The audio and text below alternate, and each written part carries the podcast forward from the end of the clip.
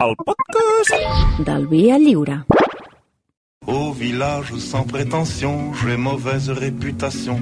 Je, Festival Cruïlla patrocina aquesta secció. je ne sais quoi, je ne fais pourtant. És així, Malcom Otero, bon dia. Bon dia. Bon dia, bon dia. Com m'agrada, de veritat. És que 500 anys haciendo ràdio, ja saps que t'ho faig, això. Ja, Vinga, la, pi la ja pinya o la ja que faran bona. I Canyó. això què és fruita? Sí, sí, Imagina't, imagina't. si, si hi canelons. botifarres. Sí, sí. Què tal, Santi Jiménez? Com estàs? Eh, millor, millor. I tu? Jo, bé, home, bé. Tu estàs bé? Bé, bé. Que ja ens pots donar el regalet. Què s'has portat? No us he portat res, que us he de portar. D'Eindhoven? D'Eindhoven hi ha unes bombetes. Una figureta d'Eindhoven, no? Home, una figureta d'Eindhoven. Sí, una- que Una bola de neu d'aquella. Souvenir Ah, d'Eindhoven. això estaria bé. O, bueno, allà fan molta aquesta... Vaig veure per l'aeroport, que, que vaig veure gairebé.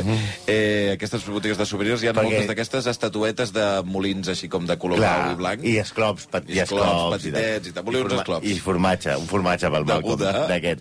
Però Què? vas ser tu el que gairebé perds l'avió per estar No. a la tenda de comprant regals? Perquè vaig pensar... No, és veritat, això qui ho ha dit, això? Això jo vaig sentir que hi ha algú No. gairebé perdeu l'avió de tornada. Ah, no. Perquè Sí? el-? S'ha dit, eh? S'ha dit, s'ha dit, s'ha dit, No, jo no, ho he no, sentit jo vaig a, a, a l'antena. Vaig pensar, mira que mono. No. Potser Per està perdent la- vosaltres? Està Ah. perdent l'avió perquè... Per nosaltres. Però per responsabilitat amb els de, t'he companys. de dir que vaig rebre diversos missatges, diversos missatges que deien que el teu micròfon Eh. funciona millor que els nostres. Perquè com que jo era el teu micròfon deien, hòstia, com es nota, eh? És com micròfon de La presència, productor. Sí, mira, va, va, Ja, ja, fins i ja. tot va vocalitzar. Sí, se'ls va notar aquella vegada, sí, sí. És el micròfon que té corrector. Ai, senyor. Ah. Bueno, doncs, demà anem a la Fageda. I no, i no ens la portes tampoc, no? Bueno, si voleu uns iogurts ja preguntarem. Escolta, a la Fageda, que fan uns Sí, flans veritat, és que- boníssims, sí, sí. fan una... Bueno, tot és boníssim a la Fageda, ja ho veuràs. Entre els del Cruïlla, que aquest demanant entrades, l'altre que si els No, no, no, no, els Per flans, cert, no no és ja, eh, ja està bé, ja porto dies ja, eh? Ja, ja no ens patro... Crec que ja no, ja no tenim el patrocini, eh? Què? Ah, ah, una cosa per fer a la Fageda, que aquestes coses que tu no saps mai un, com omplir un bolo d'aquest, Eh, tu haguessis pogut posar, no sé, A veure.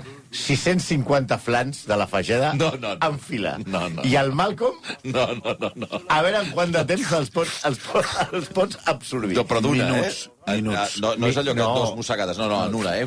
I alguna vegada per varis orificis corporals. No, ja, eh, no, això no es passa, ja no es passa. Ja, Ja, és que no es pot fer per... Però són molt bons, això és veritat, eh? Són boníssims. No, és perquè us en regalin més. Bueno, a veure, va, anem avançant, que si no... No, no, però res. i quan anem a fer el programa a la Voldam, Sí. sí. jo a la Fageda ja m'ho puc comprar.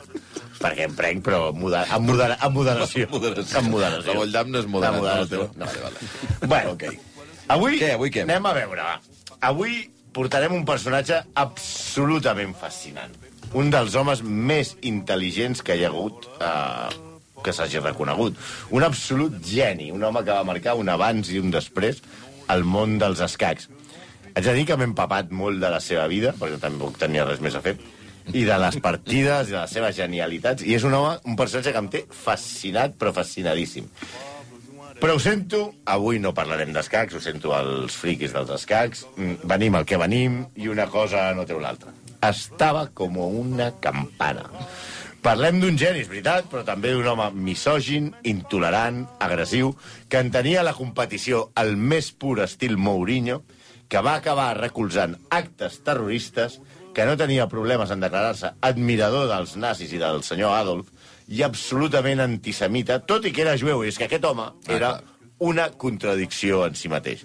Per exemple, era super un home tan intel·ligent com ell era conspiranoic. Estava convençut que els dentistes li implantaven microchips als queixals Hosti. perquè l'FBI el pogués investigar. Brutal, això. Era Beata Legón. Brutal. Exacte. Era la monja Forcades, però intel·ligent. I no tenia entre les seves habilitats la diplomàcia. Perquè, entenguem-nos, era com una mena d'Aida Nízer o concursant de reality cute. Saps aquesta gent? Gent que, diu, que assegura que diu sempre el que pensa. Sí, clar, que, que, doncs mira, no cal. No t'he preguntat la teva opinió. Mira, Sí, sí, jo ja, tinc uns ja. amics que van muntar una revista d'edició Sí. i, la, i, la, i la secció de cartes al director es deia su opinió no nos interesa. Oh, boníssim. M'encanta. No, no, perquè tota aquesta gent que va als realities que diu mira, mira, yo, te, yo hablo y te digo la co-". No, no t'he preguntat la teva opinió, imbècil. I... Però No cal que vagis faltant a la gent. I dir que tu ets, que yo soy muy legal y yo digo todo lo que veo, es mi verdad. No cal que faltin a la gent. Eres un acaba, garrulo. Acaba de dir garrulo i imbècil, però cal faltar a la gent. Ah, ah, una cosa. Però que perquè provoca. Va provocant. No, el que sí li agradaven eren els diners, eh? Poca gent al seu nivell. O brusita, no m'importa on s'hagi de jugar. Jugaré sempre al país que més diners m'ofereixi. Això, eh? Està bé. Aquest no era com Xavi, allò de la està Passa per i està... No, no, no. Passa res, pa- amb la veritat per davant. Ahí està, claro. Eh? No, a posteriori... Ante todo respeto, eh? Ante todo respeto. Home, A, a posteriori aquest home ha estat l'home més psicoanalitzat del món. Sempre, sempre de manera pòstuma, eh? És difícil, eh? Part de l'ESO, part de l'ESO. Pòstuma, quan ja l'has palmat, eh? Sí, perquè, perquè fidel als seus principis sempre deia que qualsevol psiquiatre hauria de pagar per treballar amb el meu servei. sí, noi. Parlem, òbviament, ja ho sabeu, del jugador mortal, de Robert James Fisher, conegut com Bobby Fischer. Vive en una piña debajo del mar. Oh, Su cuerpo absorbe Bob, sin estallar. Bob el Fischer. Soc molt partidari de Bob Esponja. En general. En general, és una cosa surrealista. Vull dir, Estic no sé què s'han fumat. estic bastant d'acord, eh? Sí, sí. Sí, bastant bona, en sèrio. És, Sí, sí. No és per nens, eh? No és per nens. per nens. És molt divertida, eh? bastant, és bastant poc per nens, sí, sí. És així. Però el nostre Bob, no, no, no Bob Squarepants aquest, sinó el nostre, Square Pants. Que ja hem dit que tenia un coeficient intel·lectual, que podia ser tertulià de rac fins i tot. Ahà. Sí, podria A més- treballar en aquest programa. A més a més, era, era una esponja, però no en el sentit que tu estàs pensant del Santi i jo, no. Ah, sí. No, no. Tenia una capacitat sobrenatural per assumir coneixements sempre que li fossin interessants. Li venia de família, aquesta és la veritat. A aquella casa no hi havia ningú que fos tonto. Comencem per la seva mare, Regina Bender Fischer. Va, mm, va néixer a Suïssa, però de jove va viatjar a Alemanya, on va conèixer el genetista i futur guanyador del Premi Nobel, Hermann Joseph Müller, que la va animar a anar a Moscou a estudiar Medicina.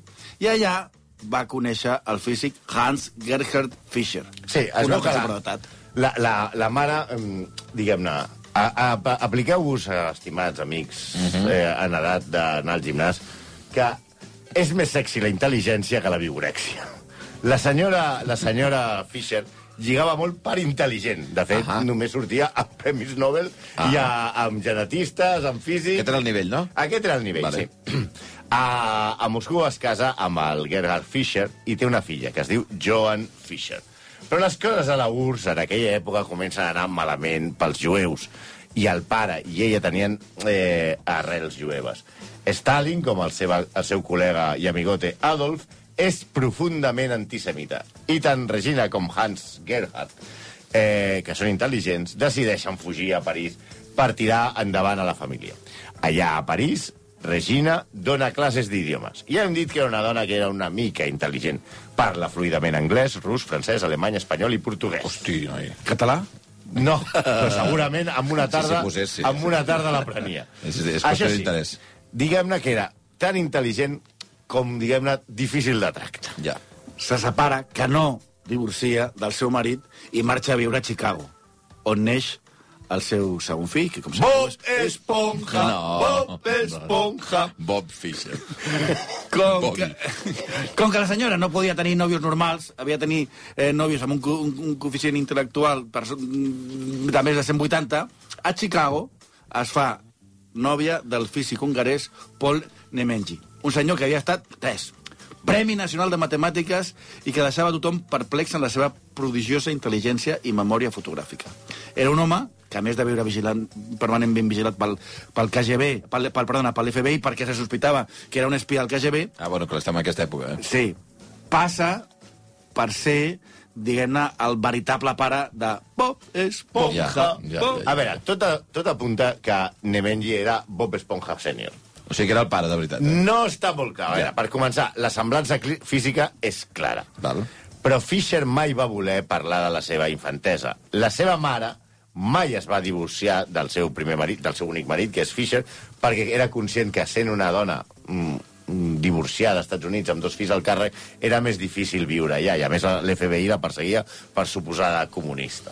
Aleshores, eh, Bob Esponja només va declarar sobre la seva infantesa que deia, el meu pare ens va abandonar quan jo tenia dos anys i mai l'he vist. La meva mare només m'ha dit que es deia Gerhard i que era d'origen alemany. No obstant, Nemenji va ser com una mena de tiet adoptiu que passava moltes estones amb ell i a casa i el treia a passejar i tot això. El que passa és que Nemenji va morir quan Bobby, Bob, és, tenia 9 anys i li va preguntar a la seva mare la raó per l'absència d'aquell senyor tan simpàtic que de tant en quant es passava per casa. Ja hem dit que Regina, que era molt, molt, molt intel·ligent, però amb poques habilitats socials, es veu, segons expliquen alguns biògrafs de Fisher, que li va contestar Ah, aquell senyor ha mort. Per cert, no sabies que era el teu pare, no? Ai, que fort.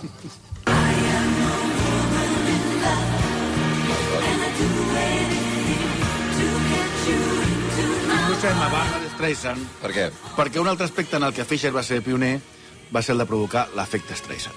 A veure, Ah, ah, però no té res a veure que amb Sí, ja algun veuràs. embolic amb la Bàrbara. No, ja ho veuràs, ja, ja. Ah, sa. Home, Embolic. A veure, Bobby Fischer va créixer sent un nen molt humil.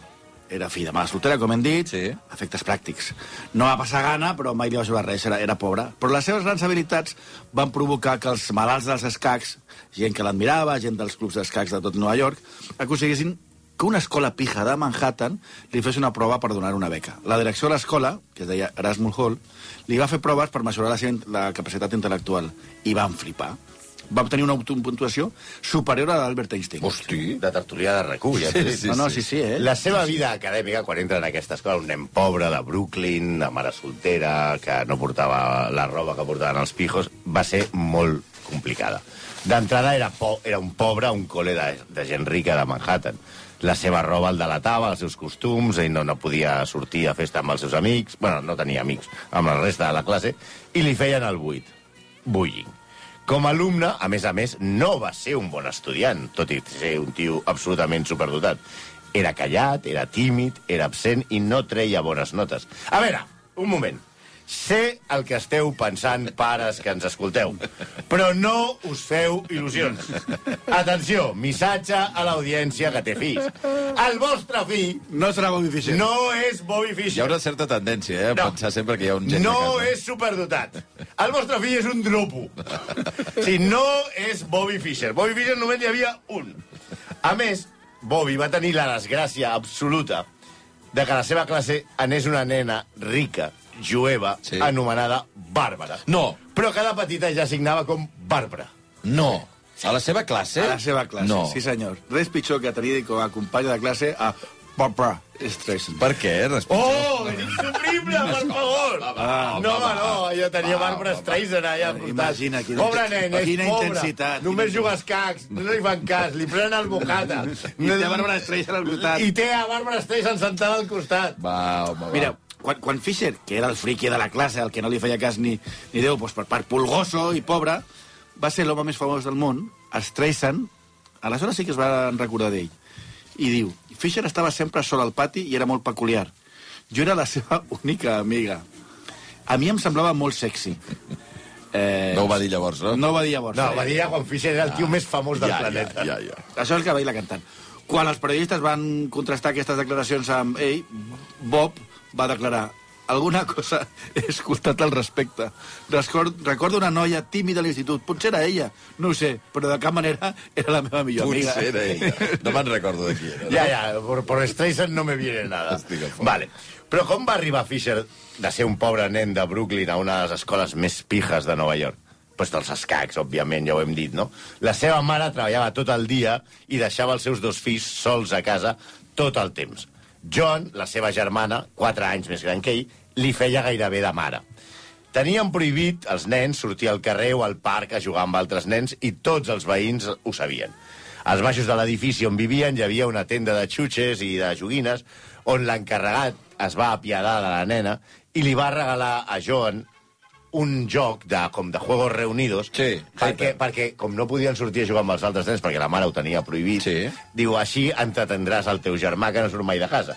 Entre els jocs, doncs això, hi havia el dominó, el parxís, i hi havia un joc d'escacs, que d'aquests amb cartró i fitxes de cartró i tal. Eh, Bobby tenia 6 anys, la seva germana en tenia 10. La germana llegeix les normes del joc, li explica les regles al seu germà, i aquí és on empieza tot. s'acaba tot. S'acaba tot. S'acaba. Sí, clar, a, a, a partir d'aquell dia només van existir els escacs. John eh, ben aviat es va cansar de jugar amb un patufet que només pensava en aquestes peces i no podia seguir el ritme del seu germà petit. I ojo, que no és que fos tonta, eh? En aquella casa no hi havia ningú, no hi havia lerdos, eh? John va, va acabar sent professora i pionera de l'educació computeritzada a la Universitat de Stanford. Hosti, noi. La mare estava una mica preocupada perquè el nen no anava a classe i anava als parcs a jugar als escacs, o si anava es dedicava a la classe a jugar eh, tot sol amb un tauler mm, d'aquests magnètics, va anar i va consultar els Sí, metges. és més, el, els profes li deien, ja sé que no em pot fer cas, però pot deixar de jugar amb els escacs. El tio li treien el, el taulell i el tio seguia perquè jugava Estava jugant amb el cap. amb el cap. Oi, oi, oi, oi.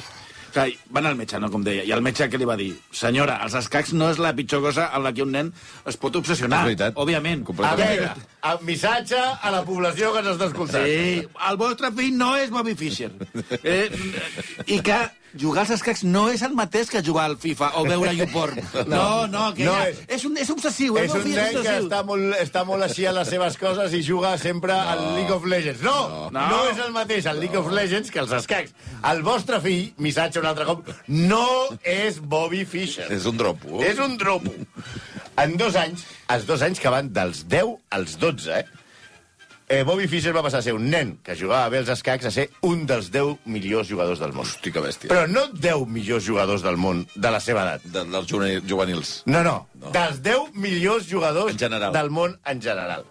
Ja hem dit que aquí no parlarem d'escacs, que podríem, sobradament, però amb 12 anyets la criatura juga una de les partides històriques en les que derrota el mestre internacional Donald Byrne.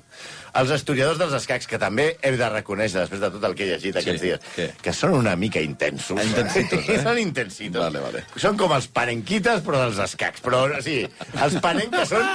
Els panenquites són retraiguts en comparació amb els que escriuen d'escacs. Qualifiquen aquella partida entre un gran mestre internacional i campió dels Estats Units, com Donald Byrne, i el nen de 12 anys, aquella partida la qualifiquen com la partida del segle, Home, o la això- partida immortal de No Fischer. havia sentit mai això del partit del segle, la partida del segle. L'escriptor Fred Reinfeldt descriu la jugada que va fer, que li va permetre guanyar el seu, el, el seu adversari, que va canviar el signe del joc com la més poderosa a tota la història dels escacs. I la va fer un nen de 12 anys. Que era un superdotat estava clar, perquè, a més a més, amb 13 anys, es dedica a aprendre rus pel seu propi compte per poder llegir els manuals soviètics Oh, d'escacs. perquè sap que allà juga bé, eh? Perquè ja sabia que es jugava bé. I va aprendre rus ell sol.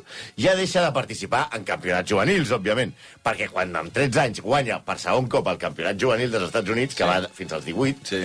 eh, van tenir la mala idea a l'organització de que el premi era el mateix de l'any anterior. Ah, sí. I li van regalar una màquina d'escriure. I el tio va dir, què doncs- faig jo amb una put dues putes màquines Aneu a fer d'escriure? punyetes, deixeu en pau. I s'apunta ja als tornejos ah, d'adults. Clar, i es juga un torneig a la URSS, pels de l'ESO. Era, era un, Un país molt gran. un país molt gran que estava fet Que tornarà, que soviètics. tornarà. Sí. No, no, no, calma. Sí! Ja venen. Sí, sí, estan trencant dics per poder tornar a ser grans. Va. Bueno, ja jugava un, torne, un, un torneig a la URSS i ell, òbviament, no té diners per anar a jugar, tot i estar seleccionat, i era, ja era una figura allà a la URSS, era molt famós. Sí, era molt famosa quan era jove. Els, els comunistes el consideraven una mena de fill adoptiu, perquè sabien que parlava rus, i això ja saps com som els catalans. Hi ha un anglès que parla català. Exacte, ens, ens excitem.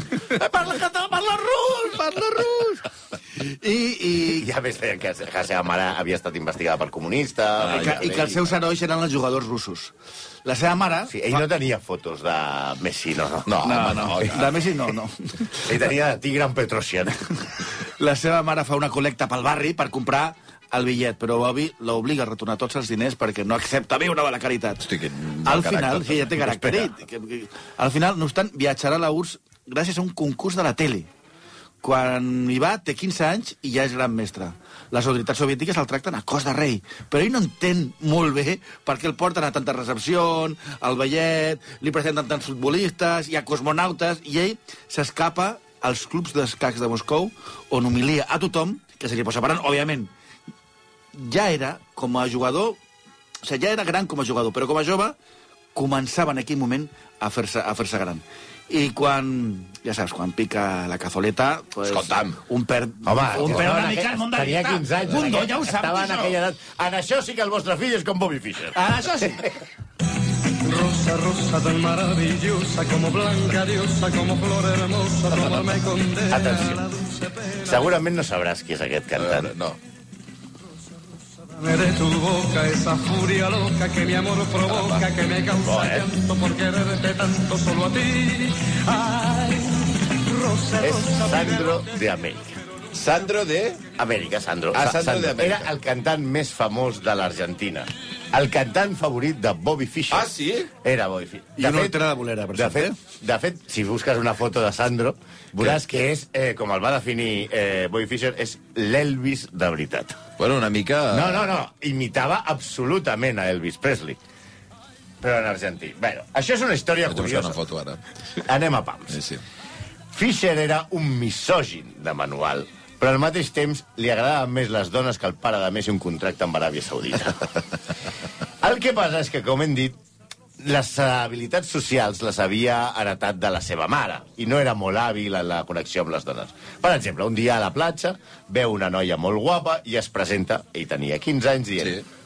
Hola, sóc Bobby Fischer, el gran jugador Amb d'escacs. to, eh? Amb 15, amb 15 anys, eh? La noia li diu, jo sóc holandesa.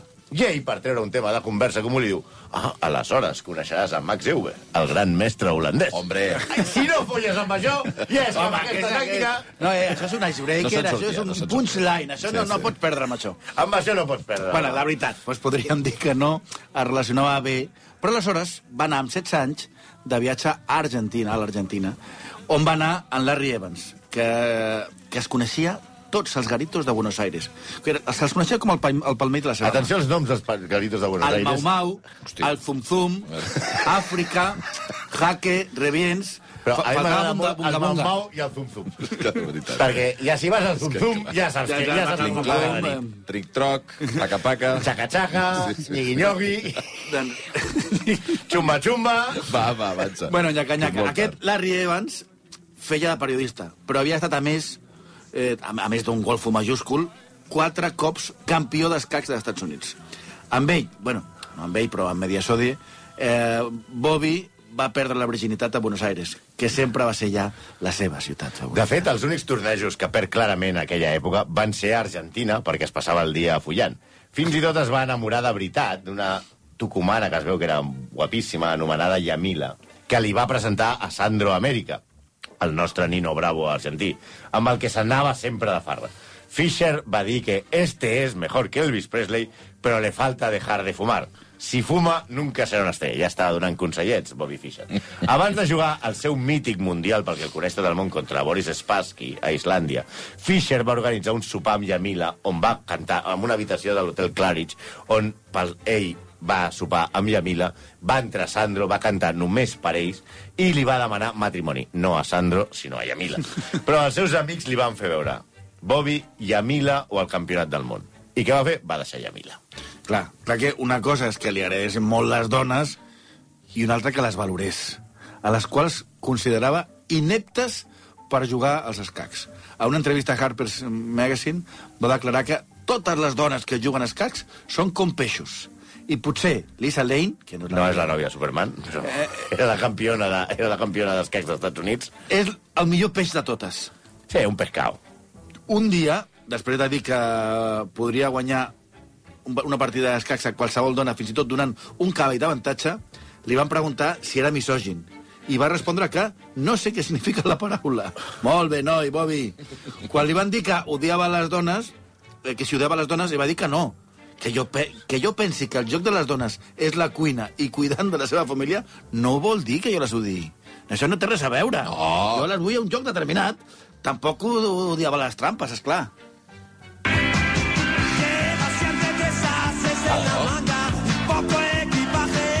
A veure, evidentment, Fischer ha sigut el millor jugador dels escacs de tots els temps. I no guanyava per fer trampes. Però Mourinho, al seu costat, era un nen de teta. Sí, eh? Sí. Darrere d'aquell aspecte tímid s'amagava un caràcter competitiu terrible.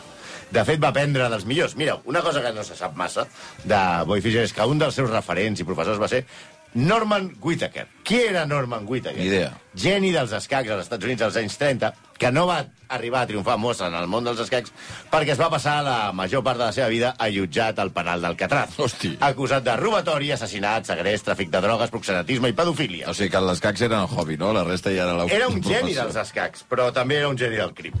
Però, eh, bueno, no tan geni perquè el van trencar moltes vegades. Sí, sí, sí. De fet, eh, compartia galeria amb el Capone. Ah, sí? Sí. Ai. A causa del seu historial de- delictiu, cap club d'escacs d'Amèrica, quan ell va sortir del Catrat, el volia tenir amb ell.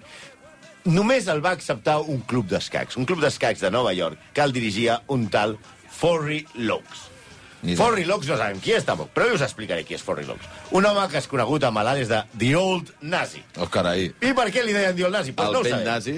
Perquè anava això. vestit sempre amb barret tirolès, camisa i pantalons caquis, bigoti de Hitler i una insígnia negra amb una esbàstica a la camisa. Potser sí que tenia algun Un motiu. aire. O sigui, bé, com et diuen? The Old Nazi. Pues no sé per què, perquè ets bé i portes una esbàstica. Potser per això.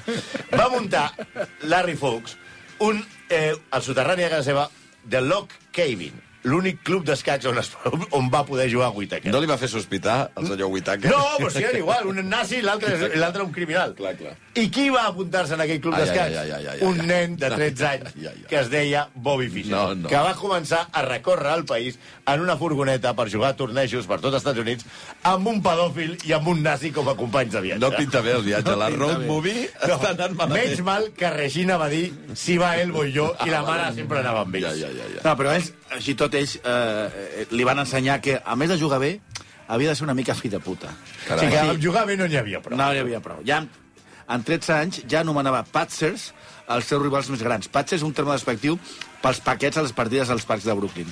I quan li proposaven taula responia, yeah, bastard. Això quan era un nen.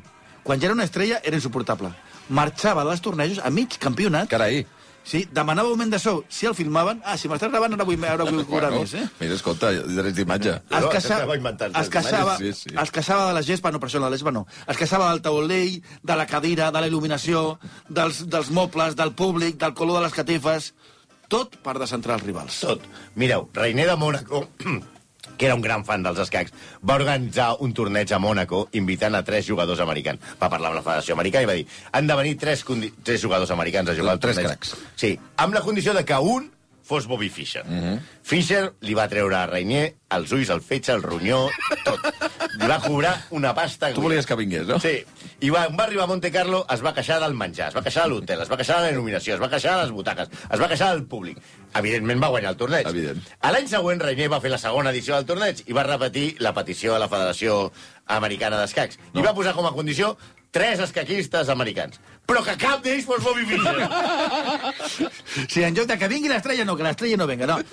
Les seves, diguem, males arts van ser fonamentals per, per tal de que Fischer es consolidés com a persona més famosa del món quan l'any 72 del segle passat, en plena Guerra Freda, va guanyar per primer cop en nom dels Estats Units el campionat del món d'escacs.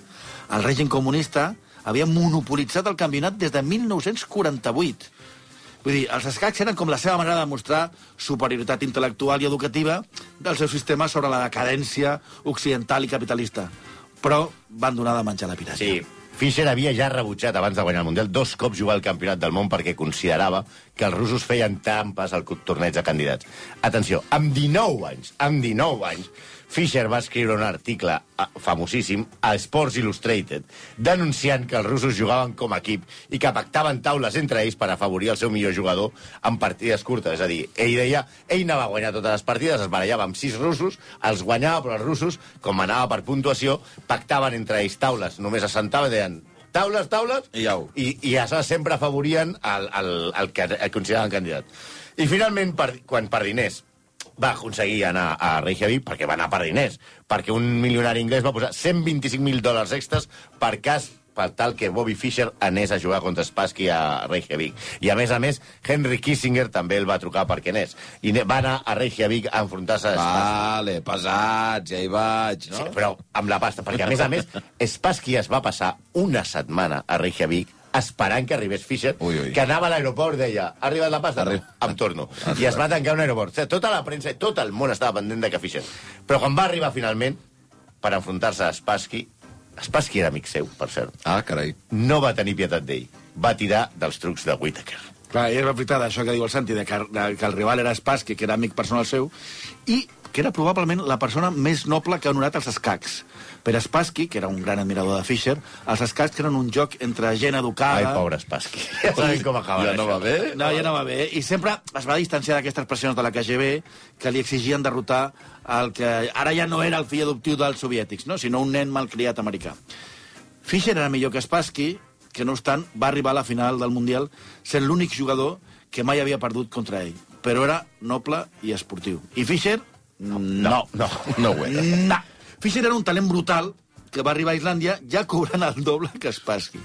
I sabent de memòria la data, el joc i els 14.000 moviments que havia fet el seu rival en els últims dos anys. Què? Si tu li deies... S'havia a- estudiat els, S'havia- els 14.000 moviments Per del- això, va, sí, tu li deies a Fischer, li deien partida de Spassky contra Petrosian a, a Belgrat el 10 de maig de 1971. I el tio te la recitava de memòria. La mare del tano. I a sobre, això que eren amics, el va putejar, però molt. Sí, perquè només arribar Fischer ho va impugnar tot, ho impugno tot. Va impugnar la taula, va impugnar la cadira, va impugnar les peces, va impugnar els àrbitres, va fins i tot a la segona partida de la final es va aixecar i va abandonar la sala perquè deia que el motor de les càmeres de cinema que gravaven el part la partida el desconcentrava. Va perdre la partida, li van donar per perduda, per abandonament, i els organitzadors van contactar un expert en acústica de la Universitat de Reykjavik per tal de mesurar les emissions de soroll de les càmeres. I van arribar a la conclusió de que no podia molestar ningú a ningú que no fos Bobby Fischer, que va exigir traslladar la partida a una sala de tennis de taula adjacent al pavelló on es jugava. La delegació soviètica li va dir a Spassky que no acceptés, que marxés. La partida ja anava 2-0 a favor de Spassky. Els mitjans americans, fins i tot, que ja estaven fins al monyo de Fischer, van arribar a escriure que si Spassky deia bon vent i Barcanova, estava en tot el seu dret. O sigui, ja donaven gairebé suport als russos. Ja Sí, deien, sí, "Va, deien, deien, que és guanyin ja. Pesat, home. Però Boris, hem dit, era el més noble dels competidors i va acceptar totes les condicions de Fischer, que evidentment el va descentrar i el va acabar humiliant. Per cert, pels de l'ESO, i que veureu les sèries, la gran partida que canvia tot comença amb una obertura Mhm. que Fischer no havia fet mai a la seva vida. Gambito de dama. Gambito de dama, home. Sí, la victòria de Fischer va ser com una bomba atòmica. És com l'arribada d'Armstrong a la Luna, no? Havia... Fischer, ell sol, havia derrotat el comunisme Eh, clar, i Spassky passava a ser un pare a la URSS. A la seva tornada a Spassky li van registrar l'equipatge, li van treure el pis, el passaport i el van putejar per humiliar el seu país a sobre. Pobret. Pobre tio. El, sup, el sopar de gala després del campionat Spassky, que després eh, del gambito de dama aquest, que, que li va costar el campionat, es va aixecar de la cadira a la sisena partida i va aplaudir el seu contricant. Us en Què? recordeu com, Això com per quan la van aplaudir Ronaldinho al, al Bernabéu, eh? Sí, sí, sí, com ahir Djokovic quan va aplaudir a Sí, sí, Alcaraz, a Alcaraz. Pues, sí, però per això pels soviètics va ser la humiliació més gran que podia ser que un mestre rus aplaudís a Bobby Fischer. Que, I aquest sopar, eh, eh, li, eh, Spassky eh, li, li pregunta al seu amic Fischer tornarem a jugar? Resposta de Bob Esponja. Potser hem de mirar quants diners puc guanyar. Sí. També durant el sopar de gala, Fischer va passar dels discursos i mentre tothom parlava i feien allò del president de la Federació Internacional, el primer ministre d'Islàndia i tot, ell només va treure un tauler magnètic d'escacs, es va seure al costat d'Espassky i li va dir, mira, tu vas abandonar la partida aquí, però jo t'hagués fet això, això, això i t'hagués guanyat. Què haguessis fet tu? I el de, déjame en paz, ja, ja, ja, Deixa'm sopar. que quan torni a Moscou em fotran a Sibèria, Sí, sí, cabron. sí, sí. sí. Ah, sí, quan va pujar a rebre el trofeu, el primer que va fer és queixar-se de que la medalla no estava inscrita al seu nom. Carai, noi. Va obrir el sobre del premi per comprovar si el taló de 76.123 dòlars era correcte i va trucar al seu banc Quin a Nova. York per veure si el milionari anglès li havia ingressat els 125.000 dòlars extras. La asamblea de Majaras, se ha reunido la asamblea de Majaras, ha decidido la asamblea de Majaras, se ha reunido la asamblea de Majaras. I el tipus més famós del món, què li va passar a Fischer? Pues que la flapa va començar, se li va pirar, no? Home, ja se ho estava, pilota, sí, ja apuntava, ja apuntava maneres, ja apuntava símptomes. Llegia compulsivament Nietzsche i Jorgel, que bueno, això pot estar bé, però també un dels seus llibres de capçalera era Mein Kampf, d'un tal Adolf, i també els protocols del Sió. Vull dir que això ja... Es va afiliar a una organització evangèlica dels adventistes del setè dia, liderada pel reverent eh, Garnet Ted Armstrong, i va deixar de jugar en dissabte. Ah, el sàbat. Clar. També per tocar els collons als contrincants, eh? Jo no jugo els dissabtes. No, no. Anys després, òbviament, els va denunciar perquè li van estafar centenars de milers de dòlars. Ah, sí, eh? Tan llest que semblava el Sí. noi, eh? Ell va desaparèixer del món i es va negar a defensar el seu títol mundial contra Karpov després d'enviar a la Federació Internacional d'Escacs 179 exigències per poder defensar el títol. Només va enviar una carta amb 179 exigències que no, no li van acceptar i Karpov va ser eh, campió del món. Mai es va tornar a saber res d'ell, fins que el 1981 la policia de Pasadena, Califòrnia, va detenir un pidolaire brut, sense sostre, brut com una guilla, sospitós d'haver atracat un banc. Quan el van identificar, va resultar que es deia Bobby Fischer. No, sí? I van trobar Bobby Fischer, que no se sabia res d'ell. Va tornar a desaparèixer fins que el 1992 va acceptar 2,5 milions de dòlars per jugar una revenja amb Spassky, pobre No. Spassky, que ja, ja havia hagut de pirar de la URSS i era de nacionalitat francesa perquè l'havien putejat. S'havia posat bigoti, La no? dona l'havia deixat, eh, sí, l'havien des, destrossat la vida per Bye, perdre bye, contra Spassky. Fiji. Per- per culpa d'ell. Hi ha una frase de Spassky quan, quan els de KGB reuneixen a tot l'equip de russos que havia perdut Petrosien a la, al torneig de candidats de Buenos Aires i li diuen eh, a ustedes no se puede hacer... I el tio va dir... I Spassky va dir, es que vamos a perder. Diu, és que és, és molt millor que nosaltres. Però bueno, diu, ens tornaran a reunir aquí. I Spassky va dir, no ens reuniran aquí, ens reuniran a Sibèria. La primera reunió a Sibèria. Aleshores, ell va jugar la revenja amb Spassky a Iugoslàvia. Amb aquesta acció es saltava l'embargament de les hores comercial dels Estats Units contra Iugoslàvia. Fischer es va presentar a la taula, on jugava amb la bandereta dels Estats Units, va treure la carta del govern americà en la que li deien que no podia jugar aquell partit, va escopir sobre ella i va jugar. Òbviament, no cal dir que va guanyar. Va guanyar Va també. guanyar, sí. Es va convertir a, a, a un pra- apàtrida. Als Estats Units li demanaven 10 anys de presó i ell es va refugiar a Japó i, Fili- i Filipines. Des de on seguia fent proclames contra els jueus eh, i els americans exigint execucions dels jueus més importants dels Estats Units i animant un cop d'estat de l'ultradreta al seu país. I atenció, això, això és molt heavy, eh? El dia després dels atemptats de les Torres Bessones va dir per la ràdio que aplaudeixo Bin Laden i l'atemptat. Vull veure el meu país destruït. a la merda amb el meu país. Els Estats. Units es, es basa en la mentida i el robatori. Sí, a l'any 2004 va ser detingut a l'aeroport de Narita, a Tòquio, quan De volia... cada 10 anys el van detenint, no? el si el troben en algun El puesto... detenen quan volia sortir del Japó utilitzant el passaport que li havia retirat al seu país. Mira que era llest, eh? però bueno.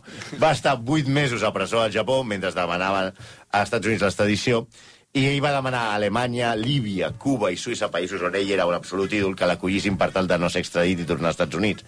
Quan es veia ja camí dels Estats Units, Islàndia, en reconeixement a que jugués aquella partida l'any 72 i que posés de moda al país abans de l'Albert Tom, li va concedir un passaport i la nacionalitat. Aleshores va poder anar a viure mentre els islandesos suaven de les peticions americanes d'extradició. A Islàndia es va fer addicte a l'esquir, que és aquesta mena de llet, iogurt, això que, Sí, que sí, mengen, és veritat. a pescar salmons, va caure malalt, però mai es va deixar fer una anàlisi de sang, prendre un medicament o fer-se una radiografia.